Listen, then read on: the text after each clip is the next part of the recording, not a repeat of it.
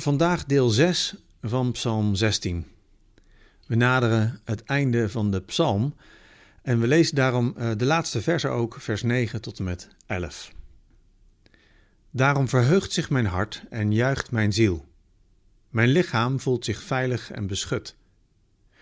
U levert mij niet over aan het dodenrijk en laat uw trouwe dienaar het graf niet zien. U wijst mij de weg naar het leven. Overvloedige vreugde in uw nabijheid voor altijd een lieflijke plek aan uw zijde. Het resultaat van deze psalm, eh, zoals we begonnen zijn, eh, het resultaat van aan de goede kant van de streep staan, bij God je thuis vinden, en Gods stem verstaan en een vast fundament in je leven ervaren, dat is voor de dichter vrede en blijdschap die zich heel diep van binnen nestelt. Dat is het resultaat. Je hart en je ziel die juichen, daar is het goed. Het is een beetje zoals het, eh, dat prachtige Engelse lied zingt: It is well, it is well with my soul. Maar het gaat nog verder.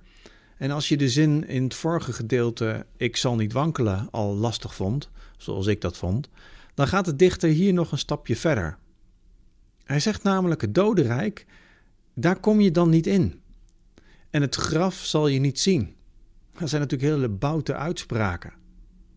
natuurlijk is weer de vraag of we het zo scherp en zo letterlijk moeten lezen.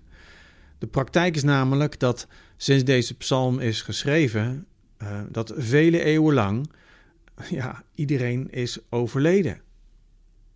En dat je misschien zelf ook wel eens aan het graf van iemand hebt gestaan.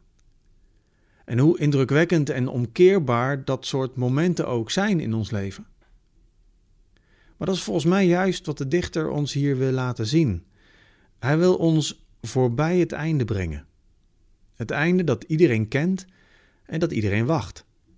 De dood, het graf. En de Bijbel spreekt nooit licht of makkelijk over de dood. Maar tegelijk krijgt de dood ook niet de absolute macht en ruimte.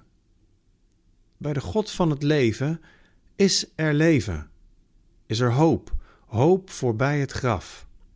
Eigenlijk zegt hij: Mijn einde is mijn begin. Vers 11 zegt: U wijst mij de weg naar het leven. Overvloedige vreugde in uw nabijheid. Is wel bijzonder eigenlijk. Hè? Zinnen waar aan de ene kant overvloedige vreugde uh, wordt beschreven en aan de andere kant het dodenrijk. Als die twee met elkaar in een paar zinnen optrekken, dan, dan zijn dat zinnen die je vaker moet lezen die wel ergens over gaan. Zinnen misschien ook wel die de grond van ons bestaan wat oprekken. Als het graf zelfs niet het einde is als je met deze God optrekt, wat een hoop ligt er dan voor ons hier vandaag. Wat een hoop voor mensen die wankelen. Wat een hoop voor mensen die sterven. En wat een hoop voor mensen die alles uit deze dag mogen en willen halen wat erin zit.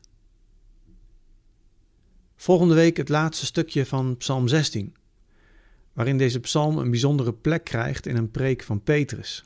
En waar we iets dieper op deze laatste belofte van dat graf en dat leven ingaan. Tot dan.